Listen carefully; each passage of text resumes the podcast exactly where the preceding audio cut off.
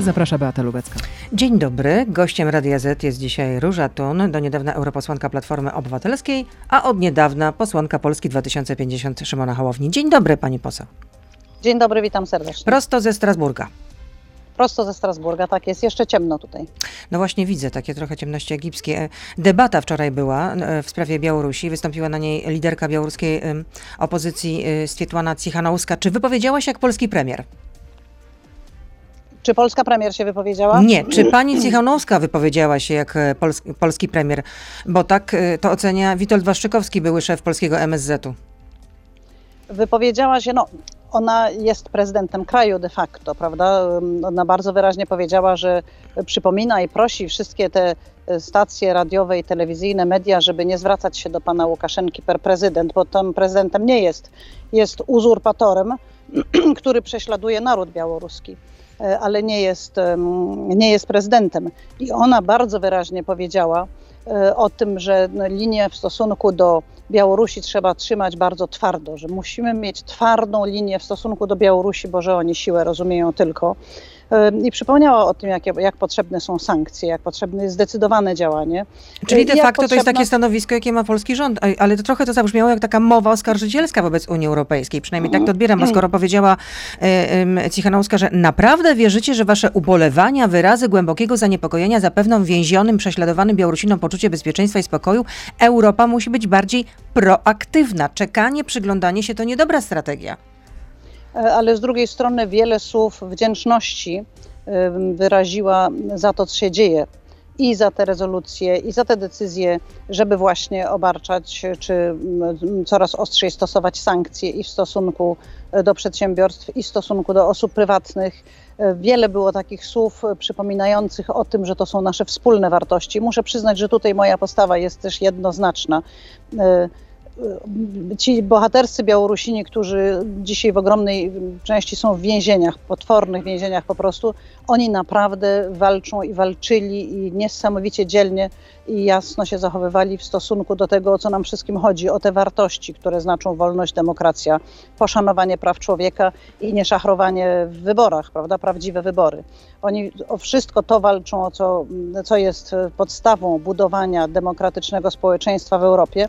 Ale I trzeba, musimy też, rzeczywiście trzeba też wszystko. przypomnieć, że polski dziennikarz, polsko-białoruski dziennikarz Andrzej Poczobut cały czas jest w więzieniu, zresztą podobnie jak Angelika Tak. e, e, Borys. E, Tak. A premier polskiego naszym- rządu chciał też wystąpić podczas tej debaty w, w Europarlamencie. No nie dostał zgody, bo usłyszeliśmy od rzecznika Europarlamentu, że w takich debatach, w tego typu debatach występuje kraj, który reprezentuje prezydencję.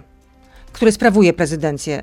Czy naprawdę nie można było, ale nie, naprawdę nie można było pozwolić jednak e, polskiemu premierowi wystąpić w tej sprawie? No bo jednak e, nam to bezpośrednio zagraża, to co się dzieje na granicy polsko-białoruskiej. No nie tylko nam, to jest sprawa europejska. Oczywiście, myślę, że ale my rzeczywiście- jesteśmy na pierwszej linii frontu, przepraszam, że to tak nazwę w taki E, militarny sposób.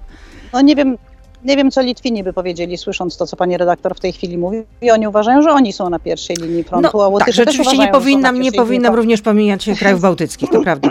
No więc właśnie w ten sposób możemy mieć całą kolejkę premierów, a w dodatku pytanie jest bardzo zasadne, zasadne pytanie tutaj jest, czy chcemy uprawiać politykę europejską czy międzyrządową? Czy chodzi nam o to, żeby występowali przedstawiciele państw członkowskich, czy przedstawiciele Unii Europejskiej, to znaczy w imieniu nas wszystkich, i Litwinów, i Łotyszy, i Polaków, i Francuzów, i Niemców, i Hiszpanów, prawda, i tak dalej. I prezydencja występuje w imieniu wszystkich i dlatego jest ważne, żeby występował przedstawiciel Parlamentu Europejskiego, Komisji Europejskiej, prezydencji, bo wtedy nikt nie jest pominięty, prawda? I nie ma jakichś priorytetów i tak dalej. W związku, a pan premier po prostu teraz jakąś nadzwyczajną, pan premier Morawiecki wykazuje się aktywnością. No właśnie, skąd to się pokazać, wzięło? Bo to- przez długie tygodnie słyszeliśmy, że żadna pomoc z zewnątrz nie jest nam w ogóle potrzebna, że sobie sami damy radę. Sami sobie, pan premier zapewniał, że sami sobie damy radę i, em, i nie robił nic de facto, dopóki nie ruszyły się rzeczywiście w zdecydowany sposób inne kraje członkowskie. I trochę żałuję, że to się działo za pomocą właśnie polityki międzyrządowej. Wolałabym, żeby to był przedstawiciel wspólnoty, czyli Komisji Europejskiej, e, który by telefonował do Putina i do Łukaszenki, ale e, ciągle jeszcze nie mamy wystarczająco mocnej polityki wspólnotowej, wystarczająco kompetencji dla Komisji Europejskiej. E, W związku z tym wystąpił pan Macron i pani Merkel i zaczęli załatwiać sprawę. Jak wiemy, deeskalacja na granicy już następuje. Ale trochę jakby ponad naszymi głowami. No, co to znaczy ponad naszymi głowami? My zawsze mówimy przecież, że no, to o jest tym, że Angela Merkel Polski. zadzwoni do Łukaszenki, to polski rząd miał się dowiedzieć właściwie na, no, bardzo krótko przed tą rozmową. Kim Angela Merkel w Polsce powinno rozmawiać, jeżeli oni cały czas mówili, po pierwsze, że nie chcą żadnej pomocy, po, nie chcieli pomocy instytucji europejskich, takich jak Frontex na przykład, po to są te instytucje, żeby z nich korzystać. I wielokrotnie polski rząd był namawiany do tego, żeby je zaprosić. Frontex nie może sam wyruszyć na granicę. Jeżeli um, stosunki międzynarodowe się odbywają nad głowami albo nie, to jest sprawa całej Unii Europejskiej, granice zewnętrzne Unii no to, Europejskiej. To jest sprawa Niemiec, bo, bo ci y, migranci też, y, jak słyszeliśmy, Oczywiście. wiele razy artykułowali, że chcą się dostać do Niemiec nie tylko chcą się dostać, ale przez polską granicę się dostają do Niemiec po prostu. Z Niemiec dostają się dalej, także to jest sprawa całej Unii. Jeżeli ci politycy stwierdzili w końcu rozmowy trzeba prowadzić i trzeba coś z tym fantem zrobić, no to całe szczęście, że się za to zabrali. Dlatego, ale skąd ta ofensywa premiera teraz? No bo musi pokazać, że to on. Bo skoro jest jakiś sukces na tej granicy, to znaczy skoro sprawa ewidentnie deeskaluje, prawda, a premier nie robił niczego dotychczas, to szybciutko chce pokazać, że to nie, jak powiedział Marek Belka, starsza pani trzy tygodnie przed emeryturą ukradła mu polityczne złoto, tylko że to on załatwia tę sprawę, w związku z czym nagle zaczął krążyć po krajach prybałtyckich. No był też we Francji, dzisiaj będzie w Berlinie. Bo jeździ gdzie tylko może, a jak nie a, ju, a udało mu się Brytanii. wystąpić a jak mu się nie udało wystąpić w Parlamencie Europejskim, to natychmiast mu Orban zorganizował spotkanie takie nacito-wyszehradzkie.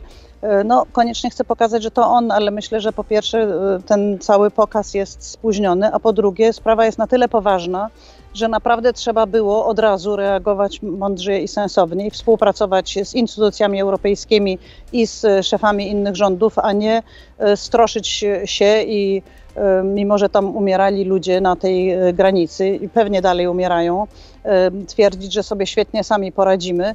No, ale jest wojsko. sondaż, wczoraj opublikowany dla Gazety Wyborczej, sondaż Kantara, z którego wynika, że ponad połowa Polaków dobrze ocenia działania rządu na wschodniej granicy i chce budowy muru, który oddzieli nas od Białorusi. No i tak jest rzeczywiście. Ponad połowa Polaków popiera te działania. Myślę, że ponad połowa Polaków, albo nawet wszyscy Polacy są niezwykle zmęczeni też tą sytuacją, czują się niepewnie, czują się fatalnie z tym, że tych ludzi, którzy tam zostali przywiezieni na, przez Łukaszenkę w ohydny sposób, oszachrowani, że, mają, że tych ludzi czeka taki okropny los, bo oni do Polski najprawdopodobniej nie wejdą, ani do Niemiec nie pojadą. Możliwe, że zostaną odesłani do swoich własnych krajów, też nie wiadomo, co ich tam czeka i wszyscy są już tym bardzo zmęczeni. Po drugie, proszę zauważyć, że mamy już od lat koszmarną propagandę w mediach tak zwanych publicznych, która straszy ludźmi z Bliskiego Wschodu, straszy zagranicznikami w ogóle, snuje kolosalną kampanię antyniemiecką, w sumie też antyeuropejską, albo nawet ci Niemcy są używani jako taki cel, żeby zohydzić Unię Europejską. I co ma połowa Polaków na skutek tego powiedzieć? Połowa Polaków by chciała, żeby to się nie działo. Obawiają się oczywiście tych zagraniczników, skoro się im mówi, że oni No właśnie, i za przyjęciem tylko... uchodźców opowiedziało się 26% respondentów, a przeciwko 69%, czyli prawie 70%. Tutaj muszę postawić Ale pauzę, pani poseł. Powiedziałabym, powiedziałabym, że polityka też jednak służy do tego, żeby traktować obywateli kraju poważnie i przedstawiać im problemy i wyzwania takie, jakimi one są, a nie siać populistyczną propagandę strachu. I tutaj pauza. Róża Tun oczywiście z nami zostaje. Jesteśmy na Facebooku, na Radio ZPL, na YouTubie, więc proszę zostać z nami. Beata Lubecka, zapraszam. I na początek części internetowej zapytam w imieniu słuchacza. Michael pyta. W jednym z ostatnich wywiadów w kontekście ochrony wschodniej granicy pani europoseł stwierdziła, że budowanie murów to propozycje z zeszłego wieku, a PL, Polska 2050, poparła budowę muru w Senacie. No więc czy pani uważa to za błąd? Um, no nie jest tak, że, że Polska 2050 entuzjastycznie odnosi się do budowy muru. Jeżeli on już i tak ma powstać, dlatego że Sejm przegłosował go i przegłosuje drugi raz, to um, myślę, że pozycja senatora jednego, który jest w Senacie z ramienia Polski 2050 była taka. Który wcześniej że, był też w Platformie? Tak, bardzo wiele osób było w różnych partiach, zanim dotarło do Polski 2050, bo zauważmy, że ta partia czy to środowisko powstało już po wyborach, prawda? Więc wszyscy, którzy są w parlamentach, ja również, byli przedtem w innych e, środowiskach politycznych. E, senator Bury również. I senator Bury, za, przypuszczam, że uznał, że skoro już ten mur ma być, to warto nanieść poprawki e, na ten projekt, uczynić go bardzo, bardziej przejrzystym, również finansowanie tego muru i że może jest szansa, że to przejdzie przez parlament. Pamiętajmy, że przez Sejm, że z Senatu ten, ta propozycja pójdzie z powrotem do Sejmu, a tam większość jaka jest, każdy widzi. Prawda? Więc przypuszczam, ale z wszystkich wypowiedzi Polski 2050 widać niechęć do tego krojenia Europy na plasterki, budowania murów, które są no strasznie przykre jest jednak oddzielanie się od Białorusinów murem, prawda? Wiemy, jaka tam jest sytuacja. Bardzo wielu Polaków wyraża swoją solidarność, a teraz co my robimy? Budujemy mur między nami a braćmi Białorusinami. Już nie mówiąc o tym, że taki mur również ekologicznie straszne szkody wyrządza, bo kiedyś ta sytuacja tam będzie deeskalować, czy nie będzie już tych uchodźców, przypuszczam, albo niemal nie będzie. E, natomiast w dalszym ciągu natura będzie zniszczona i okropna jakaś ohydna konstrukcja w pięknym terenie będzie stała. Więc cały ten mur jednak, ja nie wierzę w mury w dzisiejszych czasach. XXI wiek to nie są no to czasy, jak kiedy musimy mury granice? budować kiedy y, jest ta presja. Ta presja Od bardzo tego, słabła, ale jednak cały czas słyszymy, że ale... są próby jej sforsowania ale po to mamy przecież nowoczesne technologie w dzisiejszych czasach, żeby granic chronić e, bez budowania murów. Takie mury to naprawdę jest przeszłość. A w dodatku, jak widać po tych telefonach, o których mówiliśmy w pierwszej części naszej rozmowy, mówiłyśmy w pierwszej części naszej rozmowy, e, lepiej działają sankcje, dyplomacja, polityka, prawda? Tym się musimy posługiwać, a granica musi być szczelna i granice, szczelność granicy dzisiaj można za, zapewnić e, metodami nowoczesnych technologii, zapewne. Pytanie no, tylko, ponieważ... czy, bo skoro mówimy o tych telefonach, pytanie tylko, czy Angela Merkel rzeczywiście powinna była rozmawiać e, z uzurpatorem, jak sama pani to określiła? E, Mówię o, o Łukaszence oczywiście. Je, jeżeli chodzi o życie ludzi, a pamiętajmy, że tam umierają konkretni ludzie na tej granicy, konkretne osoby, młode, stare, dzieci, kobiety, mężczyźni, tam cierpią i umierają ludzie. Więc tu się trzeba naprawdę poważnie zastanowić, czy nie jest warto rozmawiać nawet z najgorszym bandytą, żeby ratować życie tych ludzi. Angela Merkel nie dzwoniła do prezydenta żadnego, tylko dzwoniła do Drania. Do, do pana Łukaszenki, jak powiedziała. Do pana, właśnie, właśnie. Dzwoniła po to, żeby ratować życie ludzi. I ona w ogóle jest osobą, która tym się charakteryzuje, że deeskaluje potworne konflikty. No to już widzieliśmy w ostatniej historii. Ale, ale czy nie jest tak, że Niemcy, Niemcy się dogadają z Białorusią i z Rosją ponad naszymi głowami? No Niemcy mają też w tym interes, właśnie o czym ale też rozmawiałyśmy. Ale znaczy dogadać się nad naszymi głowami? nie miejmy takiego kompleksu, że my jesteśmy w tym centrum i wszyscy rozmawiają nad naszymi głowami. To, to że jesteśmy geograficznie między Polską, między Niemcami a, a Białorusią, to nie znaczy, że ktoś rozmawia dzisiaj nad naszymi głowami. Jesteśmy w Unii Europejskiej, przez tą granicę przechodzą ludzie do Niemiec właśnie. E, polski rząd nie robi nic. Gdyby była jakaś dyplomacja w Polsce, gdyby było z kim rozmawiać, to oczywiście, że Polska jest po prostu potrzebna w tej całej konstrukcji. Jest potrzebna do tych rozmów, jest potrzebna do wzmacniania bezpieczeństwa Unii Europejskiej, ale się boczy, nie wykonuje werdyktów e, Europejskiego Trybunału Sprawiedliwości, e, krytykuje cały czas Unię Europejską, nie wchodzi w w ogóle w te wspólne polityki, a ktoś to musi robić. I zauważmy, że te wysiłki i Macrona i pani Merkel e, doprowadzi, doprowadzają powoli do deeskalacji, więc całe szczęście, że są. One dla nas są dobre. W sumie one są dla nas dobre, bo przecież odniosły sukces. To, czego my chcemy, to jest mniej naporu na te granice i to się dzieje. Wstydem tylko jest, że tego nie załatwia ani minister spraw zagranicznych Polski, ani premier, ani prezydent, że nie współpracują ze strukturami europejskimi. Ja jeszcze chciałam wrócić do sankcji. Przecież kto nakłada sankcje na Białoruś? Prawda? To cała Unia Europejska, tylko wtedy te sankcje mają jakiś sens. Tylko, że można, może trzeba było te sankcje nakładać jednak wcześniej, że Unia Europejska może do pewnego momentu było... też się przyglądała temu, co się dzieje, a może trzeba było zainterweniować yy, wcześniej. Ale pani redaktor, znowu byłaby mowy, że to na, ponad mm. naszymi głowami i bez nas i tak dalej. Cały czas jest taka. Czyli rozumiem, że Angela Merkel y, wkroczyła niemalże w ostatniej chwili, tak? Myślę, że późno tak, ale cały czas jest taka nadzieja, że jednak Polska włączy się w te działania. Proszę pamiętać, że Unia Europejska to jest instytucja ludzi, polityków dobrej woli. I wszyscy chcieliby budować A nie jest to jednak, wspólnotę iść razem. A nie jest to jednak ucieranie kraj, się interesów? Mówi, Y, Jasne, że w każdej grupie również są interesy No, i się No, ucieranie chyba się Unia interesów, Europejska ale no nie jest takiej- jedynie taką e, organizacją altruistyczną. Nie o to, w ogóle nie o to chodzi w tej No chwili. właśnie. Jeżeli się załatwia interes na wschodniej granicy, nie interes, tylko deeskaluje ten dramatyczny konflikt, który tam jest, to nie chodzi o żadne ucieranie się interesów, tylko o deeskalację konfliktów, ratowanie życia ludzkiego i bezpieczeństwo Polaków, którzy mieszkają po drugiej stronie granicy.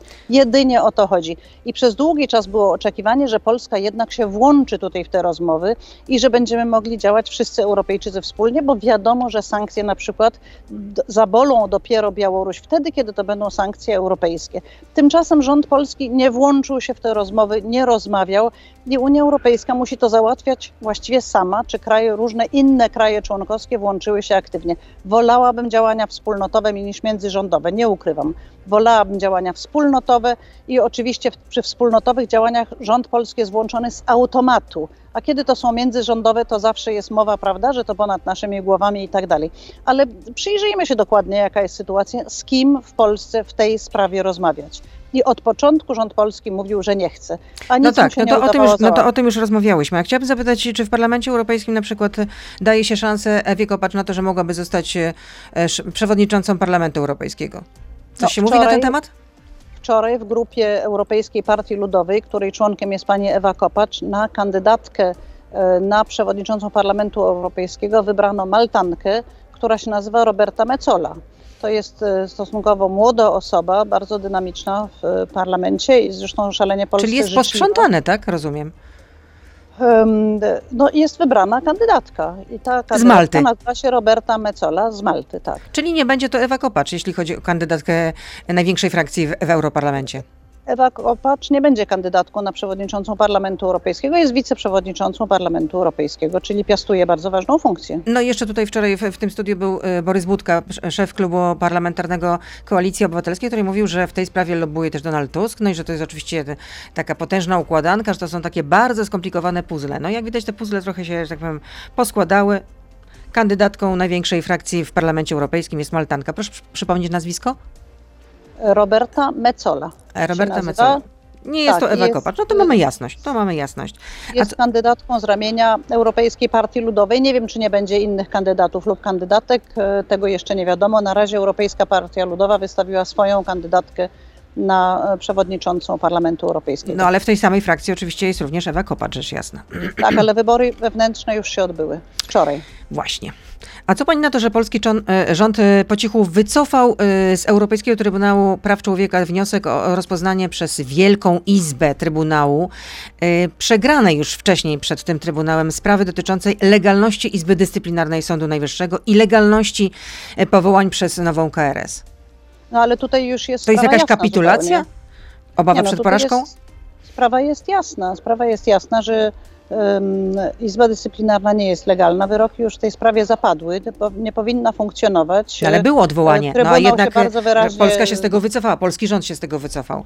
No, polski rząd się wycofuje, bo widzi, że, że wyroki są zupełnie jasne, że opinia Europejskiego Trybunału Sprawiedliwości jest jasna, że trzeba się zastosować po prostu do wyroków, a nie odbywać się w kółko, dlatego że łamanie prawa nigdy nie będzie przez Unię Europejską uznane jako, y, jako niełamanie prawa, jako praworządność. Y, I y, jest po prostu samobójcze dla Polski i to obciąża nas wszystkich, każdego obywatela Polski obciążają, obciąża to łamanie prawa przez rząd PiSu, a w dodatku to może nas bardzo dużo kosztować w najbliższym czasie. Znaczy już nas kosztuje, dlatego że z funduszu odbudowy korzystają już inne państwa, już rozliczają ten fundusz odbudowy, a w stosunku do Polski jest ciągle jeszcze zawieszony.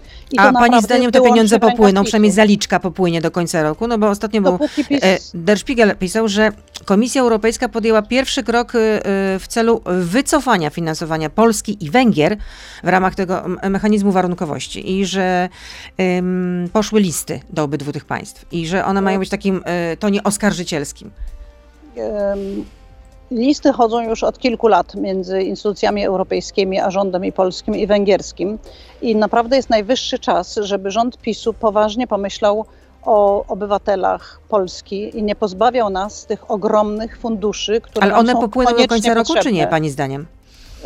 jeżeli rząd PiSu nie wycofa się z decyzji łamiących prawo, niszczących niezależne sądownictwo, nie wykona wyroków sądu, to obawiam się, że instytucje europejskie po prostu nie mogą do takiego rządu, gdzie nie wiadomo, co z tymi pieniędzmi się stanie, bo sądownictwo nie jest niezależne, bo prokuratury są pod naciskiem, nie bardzo mogą do takiego kraju wspólnych pieniędzy wysyłać. Wspólne pieniądze są wydawane na wspólnych zasadach. Czyli gdyby miała Pani obstawiać, to raczej te pieniądze nie, nie dotrą do Polski do końca no roku. Ja, ja mam nadzieję, że rząd polski się zdecyduje na rozmowy jakieś i przedstawi plany wycofywania się, złamania prawa i z e, uzależniania od siebie sądów. Proszę zauważyć, że wczoraj zawieszony został kolejny sędzia. Po prostu rząd polski wyraźnie daje Komisji Europejskiej i innym instytucjom wspólnotowym do zrozumienia, że wspólne prawo i wyroki Sądu Europejskiego e, nic dla niego nie znaczą rząd polski nas oddala wyraźnie i od Unii Europejskiej i przekreśla nam wszystkim możliwość na dalszy rozwój Polski,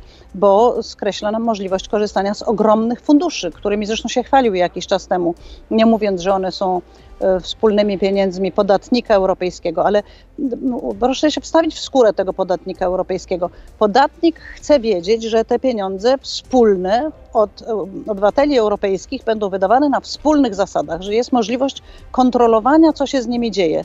E, więc oczywiście robi nacisk na swoich polityków, żeby one były tam wydawane, gdzie jest przejrzystość, gdzie jest niezawisłość sądownictwa. W Polsce takiej sytuacji nie ma i jeszcze w dodatku wczoraj zawieszono kolejnego sędziego Bąciarczyka, no tak, to już, prawda? To już to pani o tym bardzo wspomniała. Niedobry, to już bardzo o tym niedobry znak. A chciałabym zapytać jeszcze o pani sytuację, bo y, w maju odeszła pani po 12 latach z Platformy Obywatelskiej, a w lipcu przecież do czynnej polityki y, wrócił Donald Tusk. To nie żałuje pani swojej decyzji?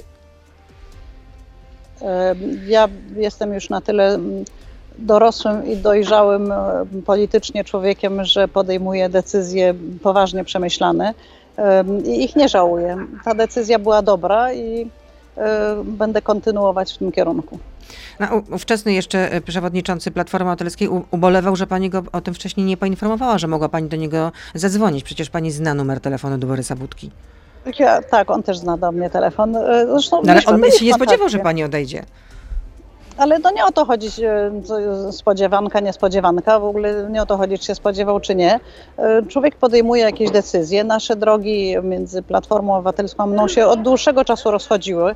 Decyzje w głosowaniach różnych podejmowaliśmy bardzo różnie i mi się wydaje, że sytuacja jest tylko uczciwa, jeżeli mamy różny pogląd na różne sprawy, a czarę goryczy przechyliło u mnie przynajmniej e, to, że Platforma wstrzymała się właśnie przy, funduszu, przy głosowaniu Funduszu Odbudowy. A powinna no, poprzeć. Uczciwie jest się rozejść.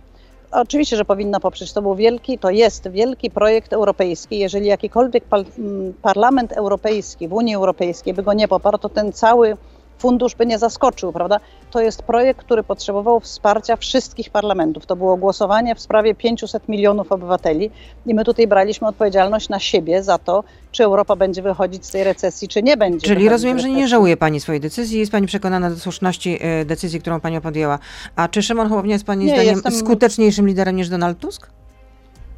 Czy kto jest skuteczniejszym liderem? Szymon Hołownia. Czy Szymon Hołownia jest skuteczniejszym liderem niż Donald, Donald Tusk? E Wie Pani, to się okaże po wyborach. Ja widzę w każdym razie nie, ogromne zaangażowanie tego środowiska, autentyczne zaangażowanie tego środowiska w to, żeby po zmianie rządu rzeczywiście Polskę wyciągać z tej katastrofy, w którą PiS nas wprowadził. Tutaj widzę przygotowane bardzo starannie programy, projekty. E, A Platforma takich nie ma? A Platforma takich nie ma? Tak starannie przygotowanych? Ja nie widziałam, muszę przyznać. Tutaj wystarczy wejść na jakąkolwiek stronę e, Polski 2050, żeby w jasnych blokach zobaczyć, że think tank bardzo dobrze zarządzany, no ale to, e, to po 2015 roku to, pan, to po 2015 to po 2015 roku to pani nie przeszkadzało, no albo po odejściu Donalda Tuska, że, że Platforma no nie ma takiego e, skrupulatnego programu, jakim dysponuje, e, jak teraz pani mówi, Polska 2050 pod, pod szefostwem Szymona Hołowni. Ja dzisiaj wyszłam, y, czy tam w tym roku wyszłam z y, Platformy Obywatelskiej i w tym roku widzę wyraźnie, że na scenie politycznej pojawia się środowisko, które niezwykle poważnie traktuje wychodzenie z tej katastrofy, w którą, w którą wpędził na, nas PiS. I to nie na zasadzie mówienia, że PiS jest zły. A to Platforma nie gwarantuje w takim razie takiej, nie, nie, nie ma takiej determinacji? zaraz, skończmy z Polską 2050, bo o nich na razie mówimy. I mm, Polska 2050 e, przygotowuje się do przejęcia władzy nie na zasadzie mówienia, że PiS jest zły, tylko co należy zrobić, prawda? A Platforma nie mówi, co należy zrobić, tak? No ja to słyszę troszeczkę mniej. Ja słyszę rzeczywiście te konkrety i przygotowywanie się do rządzenia widzę bardzo po stronie Polski 2050, już nie mówiąc o tym, że E, to środowisko jest rzeczywiście bardzo autentycznie zaangażowane w zmienianie Polski. To znaczy e, w bardzo konkretny sposób środowiska wokół siebie. Wtedy, kiedy to nie są zajęcia stricte polityczne, to oni się angażują w działania społeczne, bardzo konkretne. A, Platforma nie, tak? Się... Czy to rozumiem, że w takim razie to jest trochę partia już teraz nieco zblazowana? Ja po, po, pierwsze nie chciałabym mówić źle o partii, w której jednak byłam długi czas członkiem. Po drugie, my musimy siebie nawzajem mobilizować. Ja bardzo w to wierzę, że środowiska opozycyjne e, dojdą do takiej bliskiej współpracy wcześniej czy później, że wspólnie będziemy mogli wyprowadzać Polskę z tej katastrofy, w którą nas wpis wpędza. Ale Szymon Hołownia mówi, sensu. że nie ma możliwości startu z jednej listy, że to nie ma sensu generalnie, żeby na przykład Koalicja Dzisiaj Obywatelska nie... i Polska 2050 startowały z, listą, z jednej listy. Poza jedną listą jeszcze są różne możliwości i one na pewno będą wypracowywane. Dzisiaj musimy szukać tego, e, gdzie możemy razem pracować. I ja Platformie życzę jak najlepiej i chciałabym, żeby rzeczywiście ten wspólny mianownik był jak najwyższy. Te środowiska się w zasadniczy sposób różnią, i, ale, ale mają również dużo wspólnego i łączy je również dużo.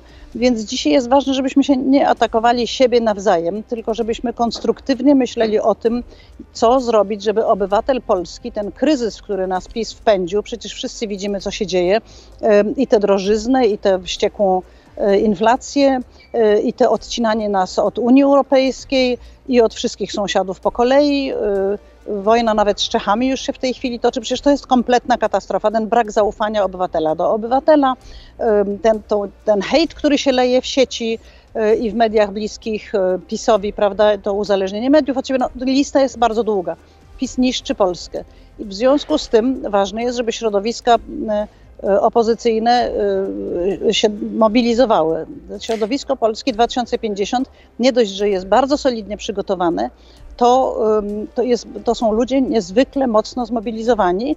I Czyli pani cieszę, rozumiem, że, że wierzy być... teraz w to nowe środowisko y, i, y, ma pani takie bardzo przekonanie, że y, ci ludzie z Polski 2050 są bardziej zdeterminowani, żeby, mm, no jak to pani mówi, w tym dążeniu do tego, żeby naprawić Polskę, bo pani zdaniem trzeba ją naprawiać stosować... Prawa i Sprawiedliwości. Jest pytanie od słuchacza. Konrad pyta, dlaczego pani się chowa pod stół, jak słyszy pani w Parlamencie Europejskim wystąpienia po polsku? Panie Konradzie, chyba pan niechlujnie przeczytał mój post albo wysłuchał mojego e, wystąpienia. Są takie wypowiedzi, przy których w Parlamencie Europejskim, i niestety w dodatku one są w moim ojczystym języku, przy których człowiekowi jest tak wstyd, że się chowa pod stół. I tutaj mówię niestety o przedstawicielach partii rządzącej, którzy potrafią. A co takiego jest wstydliwego w tych wystąpieniach?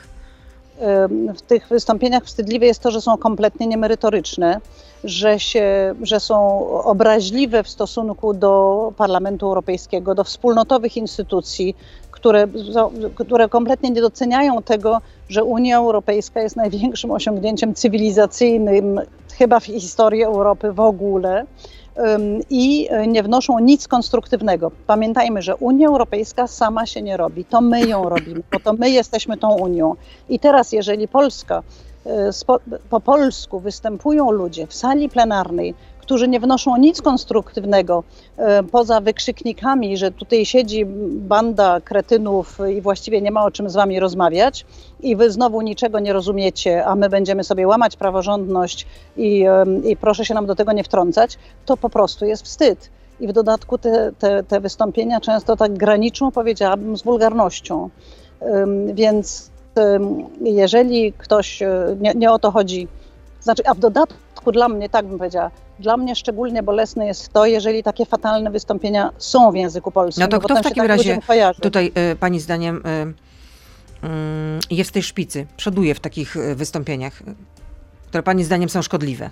Wie pani, proszę mnie nie kazać wymieniać tych nazwisk, y, dlatego że A tutaj nie o to chodzi. No bo, No mm, bo myślę, że nasi jestem- słuchacze tak na, na co dzień tego nie śledzą Jest- po prostu od dechy do dechy, no bo też nie każdy ma czas po prostu, żeby, żeby to tak obserwować. Swoją, każdy ma swoją opinię, ale rzeczywiście jest środowisko i niestety to jest środowisko reprezentujące partię rządzącą w Polsce, y, które y, nic konstruktywnego do tych rozmów w Parlamencie Europejskim nie wnosi, do pracy legislacyjnej nic nie wnosi. My tutaj musimy pracować nad wspólnym prawem, nad dobrym wspólnym prawem i to wymaga żmudnej, ciężkiej roboty. To w takim razie e, tylko się m, zjawiają, przedstawiciele, można- przedstawiciele Prawa i Sprawiedliwości w w Parlamencie Europejskim nie zgłaszają żadnych inicjatyw? No ja nie wiem, czy, to, czy istnieje taki świat, gdzie jest żadne i wszystkie, zawsze i nigdy. Zapewne to się czasami zdarza, ale słyną, jeżeli w ogóle słyną, dlatego że mało kto ich tutaj w ogóle zna, tylko niestety tak jest, że jak wychodzi ktoś z tej prawej strony do mikrofonu, no to już y, sala wzdycha, bo wiadomo, że znowu jakieś kalumnie się posypią kompletnie niemerytoryczne i nie na temat. No i niestety tak to wygląda i nie wnoszą, no nie wnoszą, nie wnoszą nic konstruktywnego. My jesteśmy wtedy pożyteczni w Unii Europejskiej, możemy liczyć na pomoc i sami pomagać, kiedy wnosimy pomysły, pracę swoją, doświadczenie. W Polsce jest mnóstwo wspaniałych ludzi, mnóstwo wspaniałych osiągnięć i dotychczas mogliśmy się szczycić tymi osiągnięciami, których Unia Europejska potrzebuje. Jeżeli chcemy, żeby Unia była coraz mocniejsza, czyli my jako piąty co do wielkości członek Unii, to tymi osiągnięciami się musimy dzielić i tworzyć wspólne prawo, a nie siedzieć w kącie i narzekać, że to wspólne prawo jest niedobre.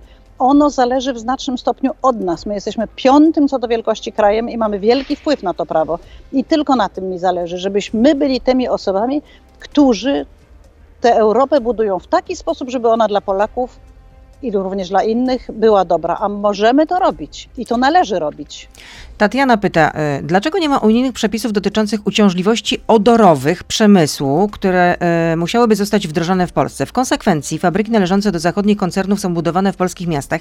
Mieszkańcom wmawia się, że te zakłady emitują tylko parę wodną, co jest niezgodne nawet ze sprawozdaniami tychże zakładów. I żaden urzędnik czy polityk nic z tym nie robi. Dodatkowo polskie urzędy nawet nie mają akredytacji, żeby móc weryfikować, co tak naprawdę te fabryki faktycznie emitują.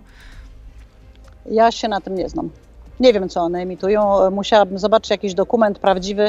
Nie chcę mówić na wiatr. Akurat nie zaliczam się do ludzi, którzy uważają, że na każdy temat mają swoje zdanie, ale jeżeli No pani to na, pewno łaskawa, są, to, to na pewno są y, określone przepisy i skomplikowane sprawy. są No, określone przepisy i zapewne są też osoby za to odpowiedzialne, ale musiałabym wiedzieć, co to są za fabryki, co one emitują i jeżeli pani, która napisała ten, to pytanie, będzie łaskawa przysłać mi jakiś dokument, to albo ja się nim zajmę, albo Dobrze, wiem, to gdzie tylko jest gdzie ma przysłać w takim razie?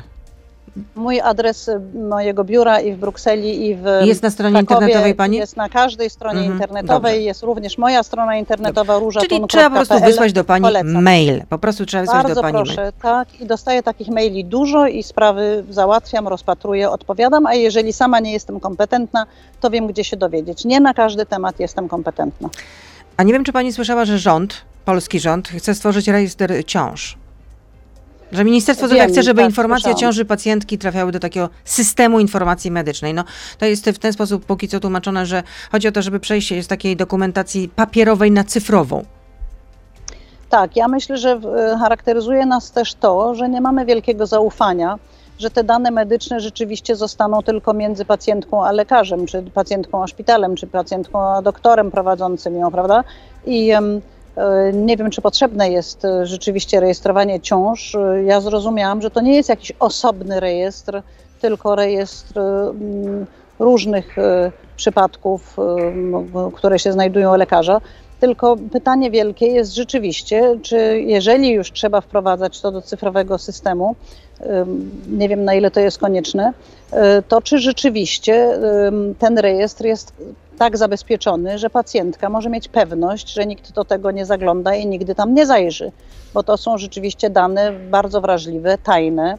y, I nie mamy do tego zaufania, że one nie wyciekną, nie, nie będą kontrolowane przez jakieś ministerstwa, przez prokuraturę, licho wie co to, że taki raban się podniósł na skutek e, tych rejestracji. No, a sama osobna rejestracja ciąż no, brzmi kompletnie absurdalnie. Jeżeli to jest to są wszystkie wypadki, z jakimi zgłaszają się pacjenci u lekarzy, to to jest troszkę wtedy co innego, jeżeli to dobrze rozumiem, ale też w tym wypadku No każda ciąża no będzie musiała zostać mamy- zarejestrowana w systemie. To nawet jest tak, że na przykład e, przychodzi powiedzmy e, pacjentka do e, nie tylko do ginekologa, no ale na przykład e, będzie musiała się na przykład, e, nie wiem, mm, będzie musiała e, mieć zdjęcie rentgen- rentgenowskie. W takiej sytuacji, no to zawsze oczywiście pacjentka jest pytana, czy jest w ciąży, czy nie jest e, w ciąży. No jeśli powie, że jest w ciąży, no to taki lekarz, nawet jeśli nie jest ginekologiem, będzie musiał to zgłosić również do tego systemu informacji Jeżeli medycznej. pacjentki sobie nie życzą tego, to nie można tego rejestrować. No, ja nie, nie mam tutaj jasnego rozwiązania na ten temat, ale na pewno jest jakaś obsesja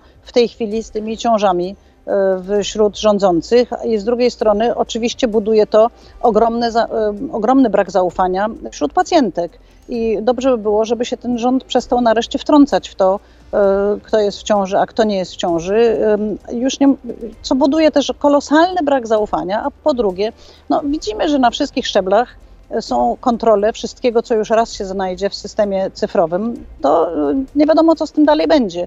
Więc i ten brak zaufania do rządu i do e, różnych agent tego rządu, i m, ta właśnie obsesja kontrolowania e, kobiet i ich życia prywatnego powoduje potworną atmosferę i nawet jeżeli kiedyś jaki, ktoś by wprowadził rozwiązanie, które mogłoby się wydawać sensowne, to nikt nie będzie jemu ufał.